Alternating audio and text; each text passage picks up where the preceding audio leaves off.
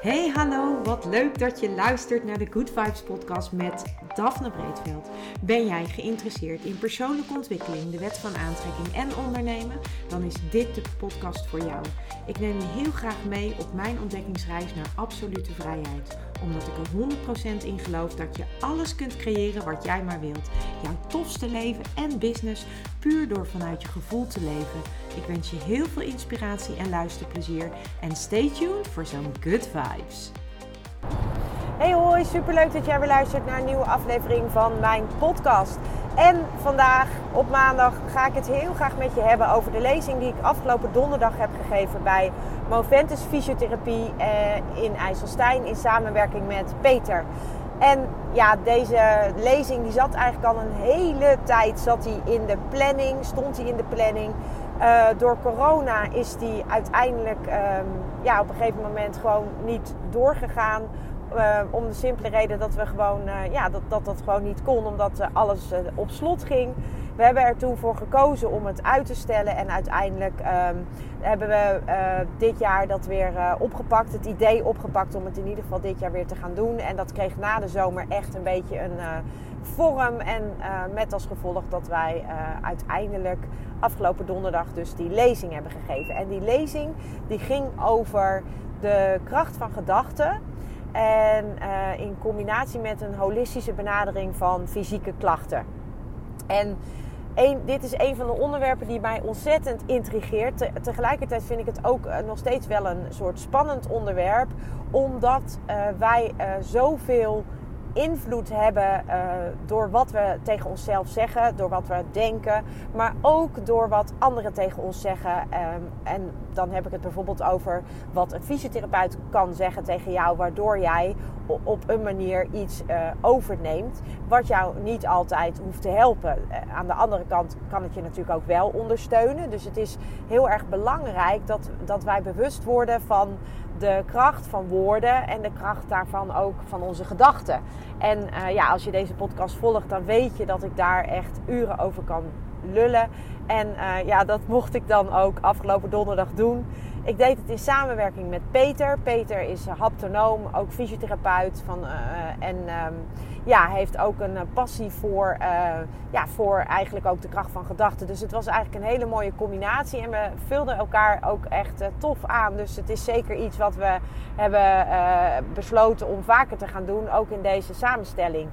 Um, ja, en waar ging het dan over? Nou, het ging er eigenlijk over dat we mensen bewust willen maken van de kracht van gedachten. En dan met name ook van, ja, hoe um, kun jij, en, en zo ja, hoe dan, uh, jouw eigen herstel of, of het, het ontstaan of het blijven bestaan van fysieke klachten, heb jij daar invloed op? En um, ja, ik, ik heb daar natuurlijk een mening over. En, ik, en ik, ik, mijn antwoord is ja, daar hebben wij invloed op. En ja, daar heeft een fysiotherapie invloed op, uh, fysiotherapeut invloed op. En ja, daar heeft een orthopeed invloed op. En ja, uh, daar heb je zelf de meeste invloed op. Maar wa waarom hebben andere mensen daar nou ook invloed op? Ja, dat heeft dan vooral te maken, wat mij betreft in ieder geval, met uh, dat wat er gezegd wordt. En ik weet nog heel goed dat um, ik twee jaar geleden, nu ruim uh, twee jaar geleden, scheurde ik mijn Achillespees. En toen ik als fysiotherapeute werkte, toen was het, uh, was het protocol eigenlijk dat je binnen 48 uur geopereerd moest worden. En uh, zodat die pees weer aan elkaar, ja, die pees weer aan elkaar gezet werd eigenlijk. En dan ging je vervolgens in gips. En vervolgens ja, ging er dan een heel protocol in werking. Uh, wat schetste mijn verbazing en tegelijkertijd vond ik dat ook heel mooi om, uh, om te zien eigenlijk. Met de kennis die ik nu heb en die ik in het verleden natuurlijk niet had. Uh, wat mijn verbazing schetste was eigenlijk dat ik dus nu dat niet meer kreeg, dat protocol. Want wat zei de arts? Die constateerde inderdaad een gescheurde Achillespees. Maar wat, wat, wat, wat was de keuze? Uh, of eigenlijk, ja, ik kreeg zelf de keuze en ik koos ervoor om niet te opereren. Er was dus de keuze om uh, te opereren en er was de keuze om dat niet te doen. En uit onderzoek bleek dus dat na een jaar, dus een jaar later, dat er eigenlijk geen significant verschil was tussen de mensen die gekozen hadden voor een operatie. Dus waarbij ze dus de pezen weer aan elkaar uh, hechten als het ware. En de mensen die dat niet hadden gedaan. Dus daar was geen significant verschil tussen de kracht van de Achillespees. Um, ik koos voor uh, niet opereren. Dat had twee redenen. Eén, het is een pees en een pezen ja, pees is, is slecht door bloedweefsel. En um, ik ik, ik was wel eigenlijk ook wel enorm geïnteresseerd van ja, hoe werkt dat dan? Uh, want, want, want hoe gaat mijn behandeling er dan uitzien als het niet gehecht wordt? En dat was één. En twee, omdat de, omdat de arts eigenlijk heel duidelijk was van dat, dat, er niet echt een significant verschil was na een jaar. En elke operatie natuurlijk weer risico's met zich meebrengt in de vorm van een narcose. Um, ja, je kunt, er zijn allerlei risico's natuurlijk bij een operatie. Dus uh, zijn advies in mijn geval was ook om, uh, om te kiezen voor uh, niet-opera niet-operatieve behandeling. Nou, dat heb ik dus gedaan. Um, inmiddels denk ik dat mijn uh, Achillespees uh, prima hersteld is. Uh, ik heb nu last van mijn andere Achillespees. Ehm, ook wel interessant om eens te gaan kijken van goh, waar staat die Achillespees nou voor als je wil kijken naar vanuit een holistisch perspectief. Hè? De Achillespees, ja, je Achilleshiel.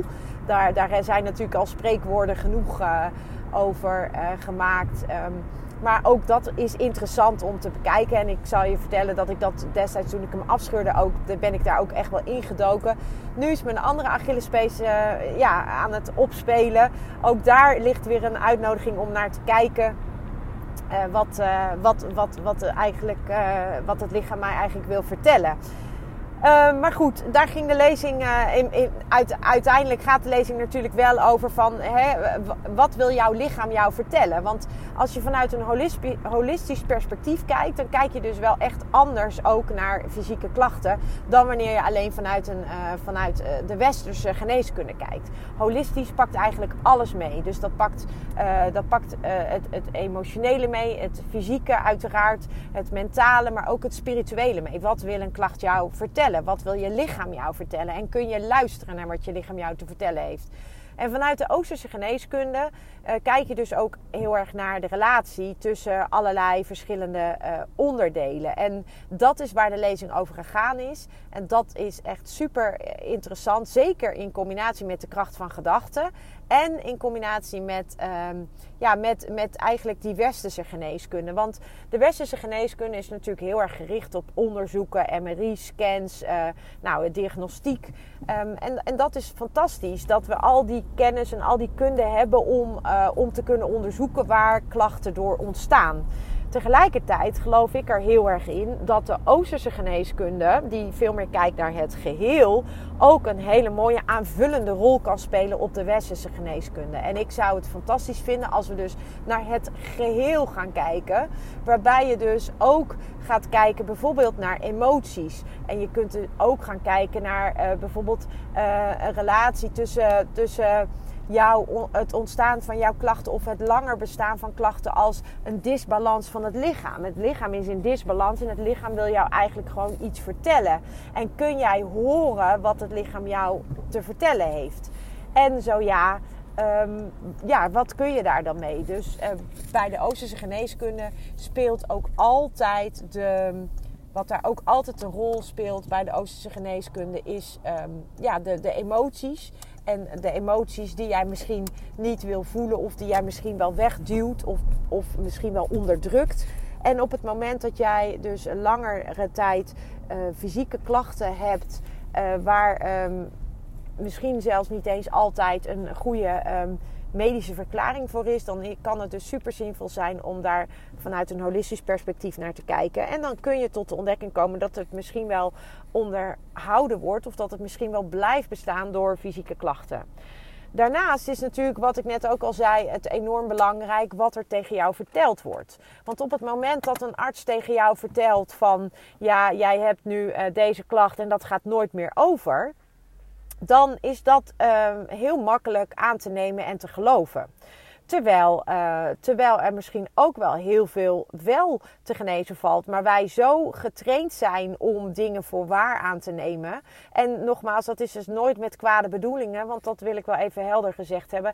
Mensen zeggen nooit iets met kwade bedoelingen. Mensen zijn zich gewoon niet bewust van de impact die woorden kunnen hebben. En dat geldt uh, voor een dokter. Um, dat geldt ook voor een, uh, voor een fysiotherapeut. Op het moment dat, dat een fysiotherapeut zegt als jij daarvoor uh, revalidatie komt van ja, uh, jouw Achillespees zal nooit meer de oude worden. Um, dan, dan is de impact die dat heeft, uh, die, die kan een rol spelen in mijn herstelproces, dus in mijn revalidatietraject. En dat is iets wat ik super belangrijk vind om in deze podcast even met je te delen. Dat het, het uh, mocht jij een zorgverlener zijn, dat het, dat het belangrijk is dat je bedenkt van hé, hey, wat ik nu zeg tegen iemand, uh, kan iemand voor waar aannemen en wil voor hetzelfde geld is dat ook jouw waarheid. En dat is helemaal prima. Alleen Um, misschien is het niet altijd, uh, is het niet altijd uh, kansloos. Hè? Dus je kunt, uh, je kunt tegen iemand zeggen van um, dit wordt nooit meer zoals het oude, maar dat wil niet zeggen dat het niet meer kan herstellen. dit, je zult nooit meer dit of dit of dat. Ja, ik, ik, ik ken genoeg mensen om mij heen tegen wie dit soort dingen zijn gezegd. En die door hun, doordat ze daar een andere mindset in hadden, de, zoiets hadden van ja, dat bepaal ik zelf wel of dit wel of niet. Hè? Ik, ik heb een vriendin daar, die heeft ooit een ernstig ongeluk gehad. En tegen haar is gezegd: je kan nooit meer je werk uitoefenen zoals jij dat in het verleden deed. En ga er maar vanuit dat dat gewoon veel te zwaar voor je is. En dat heeft haar juist enorm gemotiveerd om, om er juist vol voor te gaan en vol voor de revalidatie te gaan. En ze, ze, doet, ze doet wat ze doet en, uh, en wat ze altijd al deed.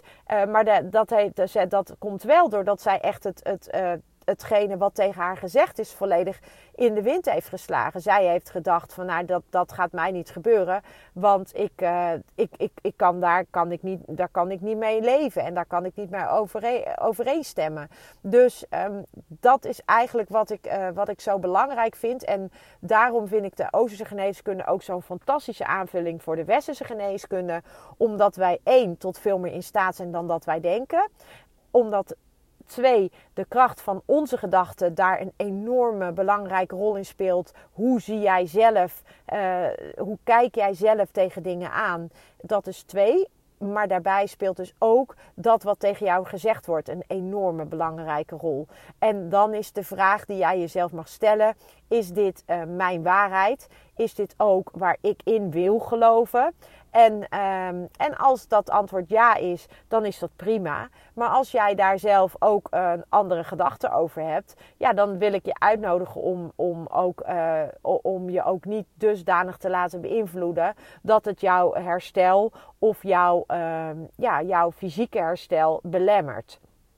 Dus dat is eigenlijk waar de lezing vooral over gegaan is. Dus over de, ja, de, de Oosterse de, en de Westerse geneeskunde. En hoe dat heel erg mooi in aanvulling kan zijn uh, op elkaar. Um, en daarnaast ook natuurlijk over de kracht van onze gedachten en het belang van onze mindset. En het blijkt gewoon uit de genetica. Wij hebben allemaal bepaald DNA. En ons DNA uh, kunnen wij niet veranderen. Maar het blijkt wel dat wij dus wel, door de epigenetica is dat bewezen, dat, er dus wel, dat wij dus wel invloed kunnen uitoefenen. En dat is zo fantastisch. En die invloed die wij kunnen uitoefenen is veel groter dan dat wij denken. En dat maakt het ook zo mega interessant. Dat je dus, uh, doordat je meer invloed hebt dan je denkt, ben je dus ook tot veel meer in staat dan je denkt. En dat uh, is iets wat, uh, wat ik mega interessant vind, ook mega intrigerend vind. En dat is ook iets waar ik zeker nog vaker over met je ga delen voor nu laat ik het hierbij en ik kom er vast in een volgende podcast nog een keer over terug.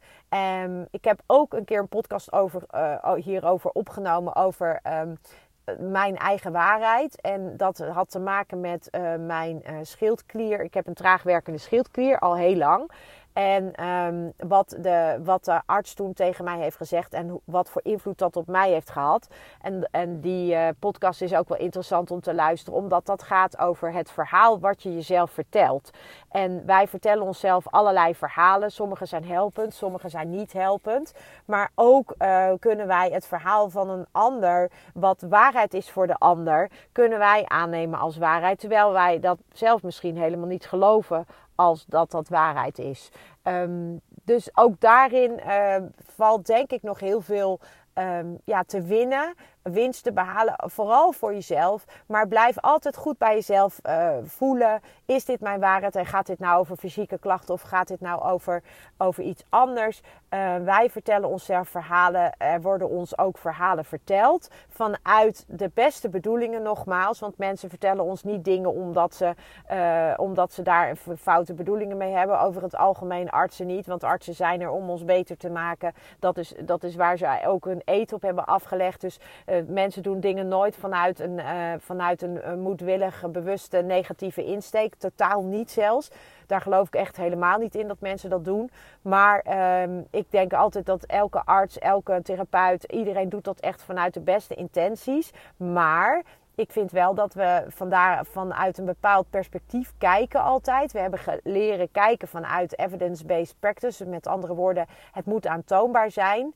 En daar geloof ik ook zeker in. Maar het wil niet zeggen dat dat de enige manier is. En ik denk dat de Oosterse geneeskunde, zeker bij chronische langdurige klachten, een hele mooie aanvulling kan zijn op de Westerse geneeskunde. En ik wil je eigenlijk dan ook uitnodigen om voor jezelf heel goed te, voelen wat, uh, wat past bij mij, wat sluit goed bij mij aan? Waar kan ik uh, in geloven? Wat is mijn waarheid? Maar waar kan ik me ook niet in vinden? En um, ga dan voor jezelf op zoek naar, um, naar iets wat past bij jou en wat goed voelt voor jou. En zeker in dit grotere plaatje is het meenemen van je emoties uh, erg fijn omdat het best kan zijn dat je bepaalde emoties onderdrukt, waardoor jij fysieke klachten ontwikkelt. En dan kan bijvoorbeeld de vijf elementen vitaliteitscoaching, dus dat is een uh, Oosterse benadering van, uh, van fysieke klachten, kan heel erg ondersteunend zijn.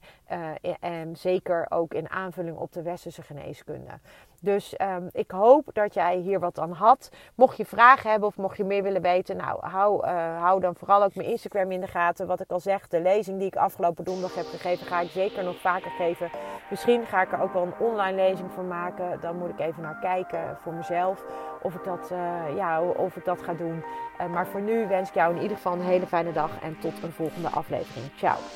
Ja, lieve mensen, dat was het weer voor vandaag. Dankjewel voor het luisteren. Ik hoop dat ik je met deze aflevering heb weten te inspireren. Wil je nu meer inspiratie?